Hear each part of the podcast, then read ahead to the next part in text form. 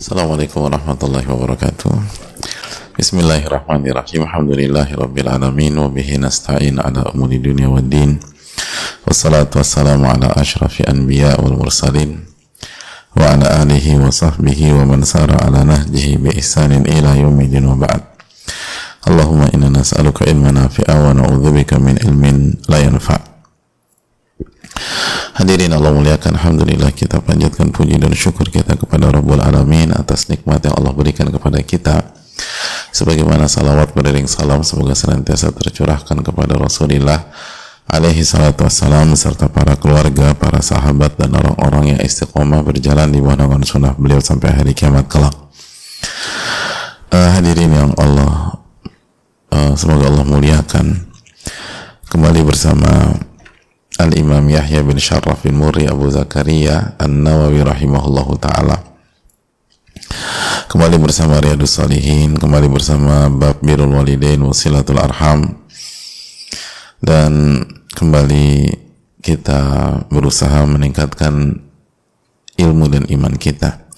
Allahumma inna nas'aluka ilman nafi'an wa na'udzubika min ilmin la yanfa' Ya Allah berikanlah kami ilmu yang bermanfaat dan lindungilah kami dari ilmu yang tidak bermanfaat dan semoga Allah Subhanahu wa taala memudahkan kita untuk mendapatkan ilmu yang bermanfaat memudahkan kita untuk mengamalkan ilmu kita dan uh, semoga Allah Subhanahu wa taala menjaga keistiqomahan kita khususnya di uh, bulan Dzulqa'dah ini di mana amal ibadah dilipat gandakan oleh Allah pahalanya dan dosa pun dilipat gandakan oleh Allah Subhanahu wa taala sebagaimana keterangan Ibnu Abbas dalam surat At-Taubah 36 oleh karena itu hadirin Allah muliakan setiap amal ibadah seperti kajian atau amal-amal soleh yang lain ketika dikerjakan di Dzulqa'dah atau di tiga bulan haram yang lain Dzulqa'dah, Dzulhijjah, Al-Muharram dan Rajab maka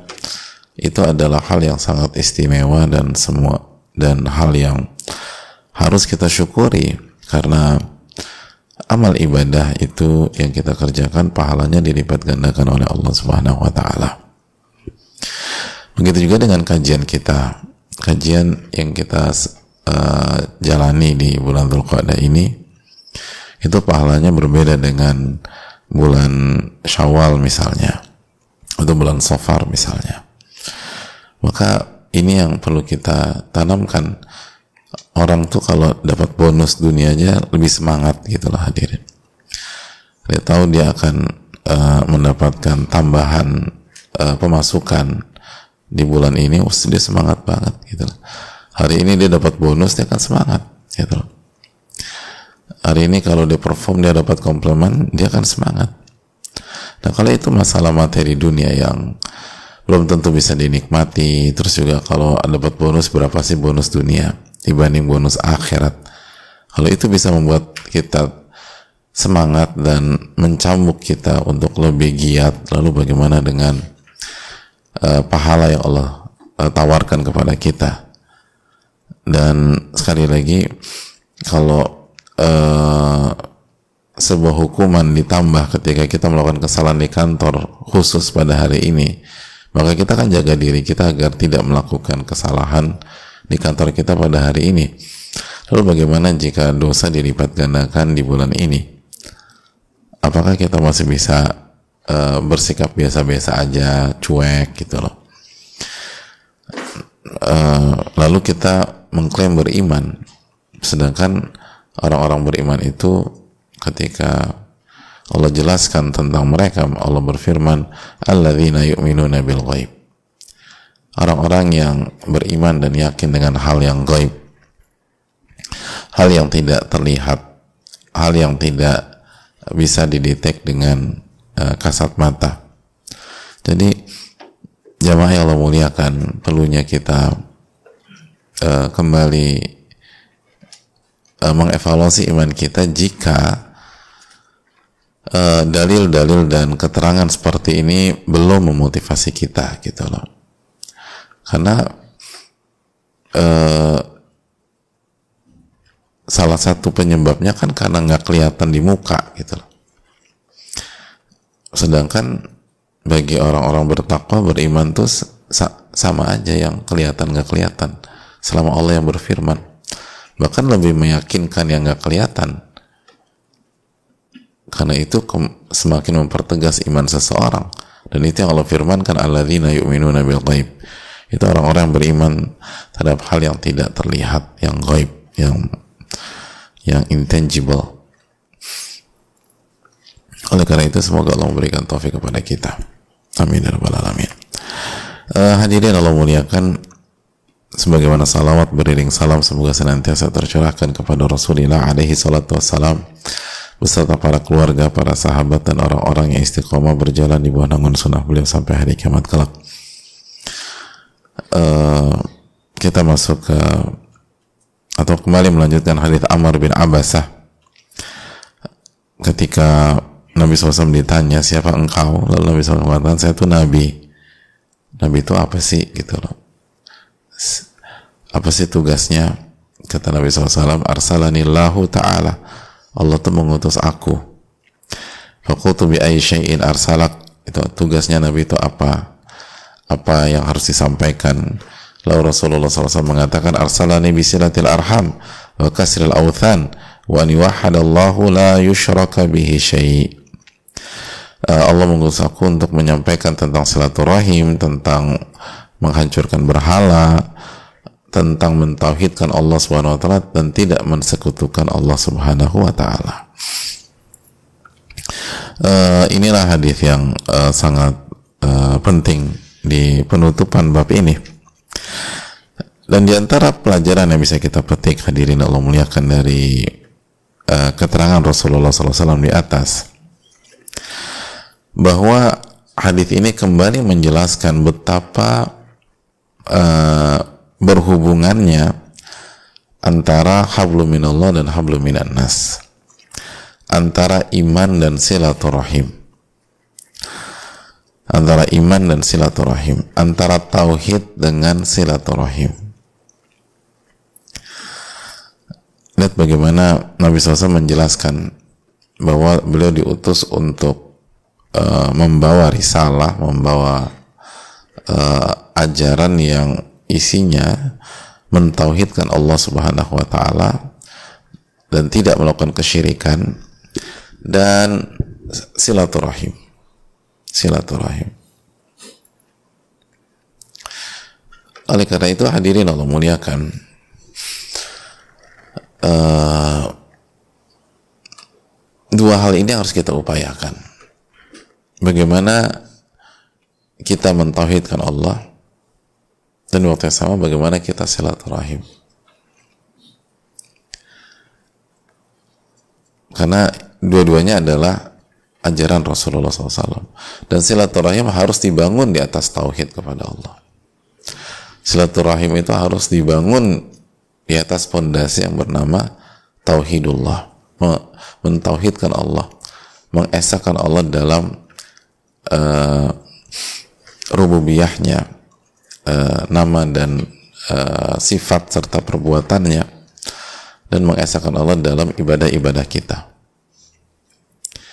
dengan penuh cinta dan ketundukan. Nah ini yang mendasari semua hal termasuk silaturahim. Termasuk menyambung tali silaturahim. Nah uh, hadirin Allah muliakan dan ini semakin uh, jelas semakin dalam setelah kita tahu bahwa silaturahim itu bukan mukafaah laisal wasil kal mukafi. Kan itu sudah kita jelaskan seki, uh, sejenak. Nabi SAW menyata, menyatakan bahwa orang yang menyambung silaturahim bukanlah orang yang membalas budi. Tapi penyambung silaturahim itu adalah orang yang menyambung hubungan dengan pihak yang memutuskan hubungan dengan dia. Memutuskan hubungan dengan dia. Kita tegur orang yang nyuekin kita. Kita salam dan sapa orang yang buang muka dari kita. Dari uh, keluarga kita silaturahim. Dari Eh, pihak-pihak uh, yang punya hubungan rahim dengan kita. uh, kita senyum orang yang ngejutekin kita. Yang kasih muka masam kepada kita. Itu senyum gitu kita tetap lembut dengan orang yang uh, yang kasar sama kita dengan secara lisan dan sebagainya tapi kita nggak terpancing. Nah untuk melakukan hal-hal ini hadirin itu nggak ada pondasi yang lebih baik daripada tauhid itu. Karena ketika seseorang mentauhidkan Allah otomatis dia akan menjadi orang yang ikhlas. Karena tauhid itulah ikhlas ikhlas ikhlas lillahi fil ibadah. Mengesahkan Allah mengikhlaskan ibadah itu hanya untuk Allah subhanahu wa ta'ala. Dan ketika orang itu ikhlas maka dia nggak nggak nggak nggak bisa dipengaruhi oleh sikap buruk orang. Dia tetap aja punya pola pola pola yang dia bangun gitu lah yaitu uh, tuntunan Rasulullah SAW gue masih belum terima dia nyuakin gue di acara keluarga kemarin. Nah ini berarti harus dievaluasi tauhidnya tuh. Itu hal penting. Karena orang yang bertauhid itu tujuannya mencari ridho Allah. Hanya ingin dipuji sama Allah Subhanahu wa taala adapun uh, apa pujian orang, komen orang dan lain sebagainya itu bukan tujuan. Nah, ketika itu bukan tujuan, otomatis celaan orang pun juga tidak mempengaruhi dia. Karena bukan tujuannya. Nah, ketika tidak mempengaruhi dia, dia akan lebih mudah untuk silaturahim. Karena dia, apalagi dia nggak tertarik mendapatkan feedback dari orang ketika dia berbuat baik. Dia hanya mencari ridho Allah, ganjaran dari Allah, feedback dari Allah Subhanahu wa taala. Jadi udah baik aja sama orang gitu. Orang mau cuekin kayak mau apa kayak itu bukan urusan saya. Dan inilah dahsyatnya tauhid kepada Allah Subhanahu wa taala. Dan inilah sebabnya mengapa seluruh para nabi dan rasul mendakwakan tauhid kepada Allah. Kenapa? Karena di sinilah uh, inti gitu ya, core dan motor penggerak dari semua kebaikan. Dari semua kebaikan. Begitu tauhidnya baik, itu semua akan enak. Begitu tauhid kita bermasalah, jadi goncang semua. Begitu tauhid kita bermasalah, misalnya orang bisa uh, ambisius dunia. Nah begitu ambisi dunia, oh, kena lagi yang lain-lain gitu. Akhirnya menghalalkan segala cara, akhirnya ribut sama orang, jegal orang tanpa hak. Karena dia punya tujuan-tujuan dunia tertentu. Tapi kalau orang tuh punya tujuannya Inna salati wa nusuki wa mahyaya wa mamati lillahi rabbil alamin. Sesungguhnya salatku, sesembelihan dan ibadahku, hidupku dan matiku aku persembahkan untuk Allah. Cari ridho Allah. Maka Allah ridhonya apa sih? Allah ridhonya itu Anda berbuat baik. Anda itu sholat, ibadah, baik sama orang, nyambung silaturahim. Ya udah jalanin itu aja. Ini benar-benar ngerubah hadirin. Dalam arti yang sesungguhnya. Dalam arti yang sesungguhnya. Makanya mengesahkan Allah itu sangat penting. Karena dengan mengesahkan Allah dalam semua perbuatan-perbuatan Allah dalam nama dan sifat-sifat Allah Subhanahu wa taala dan dalam ibadah yang kita lakukan itu dari hulu ke hilir kehidupan kita selesai.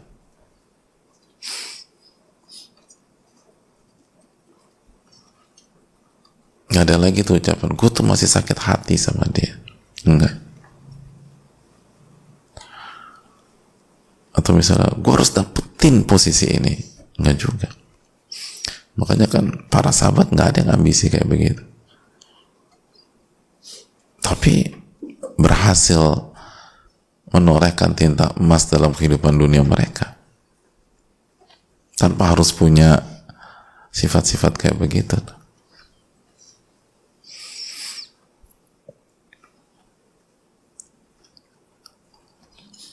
Jadi hadirin Allah muliakan. Kalau kita ingin berhasil secara utuh khususnya dalam birul walidain dan silaturahim. Dalam konteks kita bab ini yaitu kalau kita ingin bahwa uh, sikap buruk misalnya saudara, kakak, adik, sepupu, misalnya om, tante atau keponakan tidak mempengaruhi kita, tidak uh, memukul kita, tidak menyesakkan hati kita, dan kita bisa tetap berbuat baik sama mereka, maka perkuat iman dan tauhid kita kepada Allah. Tanya diri kita, kita ini ibadah ini buat siapa? Dan benarkah hidup kita itu kita persembahkan untuk Rabbul Alamin? Bicara mah lebih mudah Ustaz, oh setuju. Tanya berbicara nggak lebih baik daripada mendengarkan. Tapi marilah kita perbaiki diri kita belajar terus menjadi yang lebih baik dan semakin atau lebih mentauhidkan Allah tabaraka wa taala. Dan semua harus demikian. Dan makanya ini diajarkan Nabi SAW di awal-awal dari awal kenabian beliau kan atau dari awal kerasulan beliau dan sampai beliau wafat itu tauhid tidak pernah terpisah dari kehidupan dan ajaran beliau sallallahu alaihi wasallam. Sampai beliau wafat sallallahu alaihi wasallam beliau selalu mengajarkan ini sallallahu alaihi wasallam. Karena orang-orang terbaik tuh mengerti di sinilah pembedanya. Game changernya tuh di sini. Bahagia sengsara tuh di sini. Bersikap baik sama bersikap buruk itu tuh di sini. Kalau ini bermasalah dampaknya itu ke yang lain. Dampaknya ke yang lain. Allah Ta'ala alam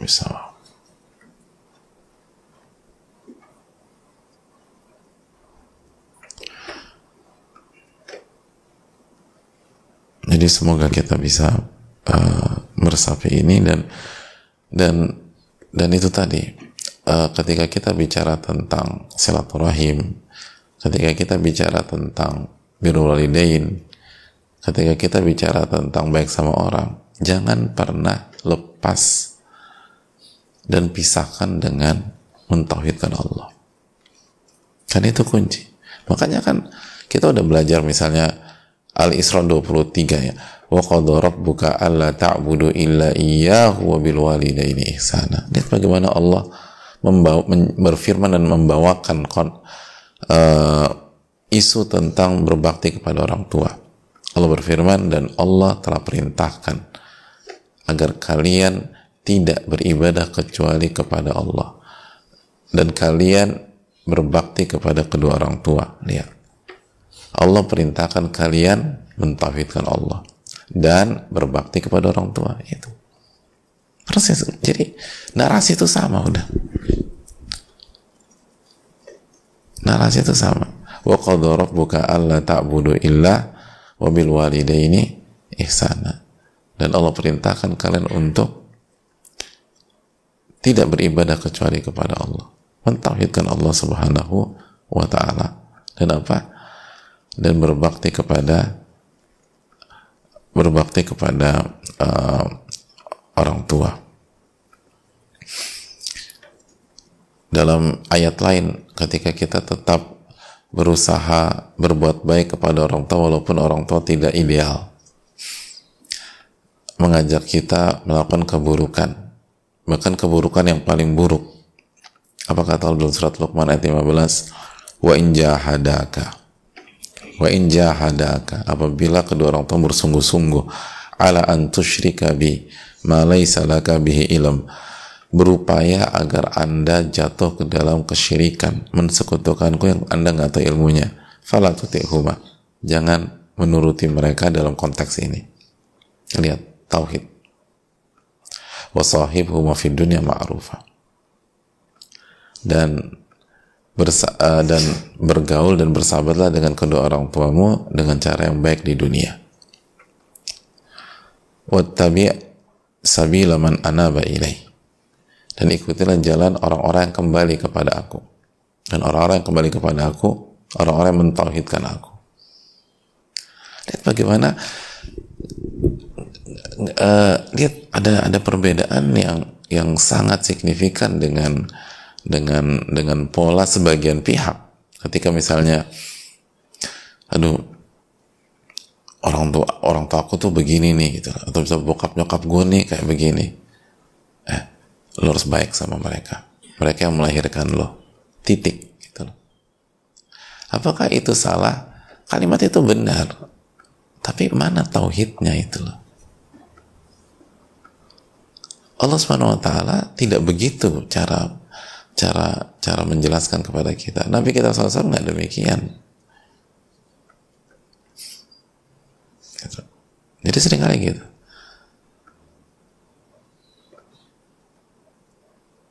Gue lagi marah sama ya mama nih. Atau aku lagi marah besar sama mama. Enggak, nggak boleh. Mamamu itu udah baik banget dari dulu. Udah pulang sana. Titik titik ya bukan koma kita lagi bahas yang titik ini. Salah. Benar. Nggak ada yang salah. Tapi kurang. Mana tauhidnya gitu. Sedangkan Allah mengatakan wa buka alla ta'budu illa iya wa bil walidaini ihsana. Dan Allah perintahkan kalian untuk tidak mensekutukan aku atau tidak beribadah kecuali kepadaku dan berbuat baik kepada orang tua. Gitu. Wa sahibhuma fid dunya ma'rufa wa tabi' sabila man anaba ilayya. Ikuti jalan orang yang kembali dan mentauhidkan aku. Makanya utuh gitu loh jadi isunya nggak hanya dibawa ke, ke tataran horizontal aja gitu. tapi isunya itu dikaitkan dengan erat pada inti dari agama yaitu beriman dan mentauhidkan Allah tabaraka wa taala itu poin. Nah ini kita harus belajar kita harus berupaya memperbaiki ini jemaah. Semoga bermanfaat dan semoga memberikan taufik kepada kita. Saya rasa cukup sampai di sini. Jazakallahu khairan. Subhanakallahumma la ilaha illa anta astaghfiruka wa atubu ilaik. Assalamualaikum warahmatullahi wabarakatuh. Jumat Kian Berkah dengan berwakaf Al-Quran. Sahabat, mari kita isi hari dengan penuh keberkahan ini dengan amalan-amalan baik. Salah satunya dengan berwakaf Al-Quran yang memiliki limpahan pahala.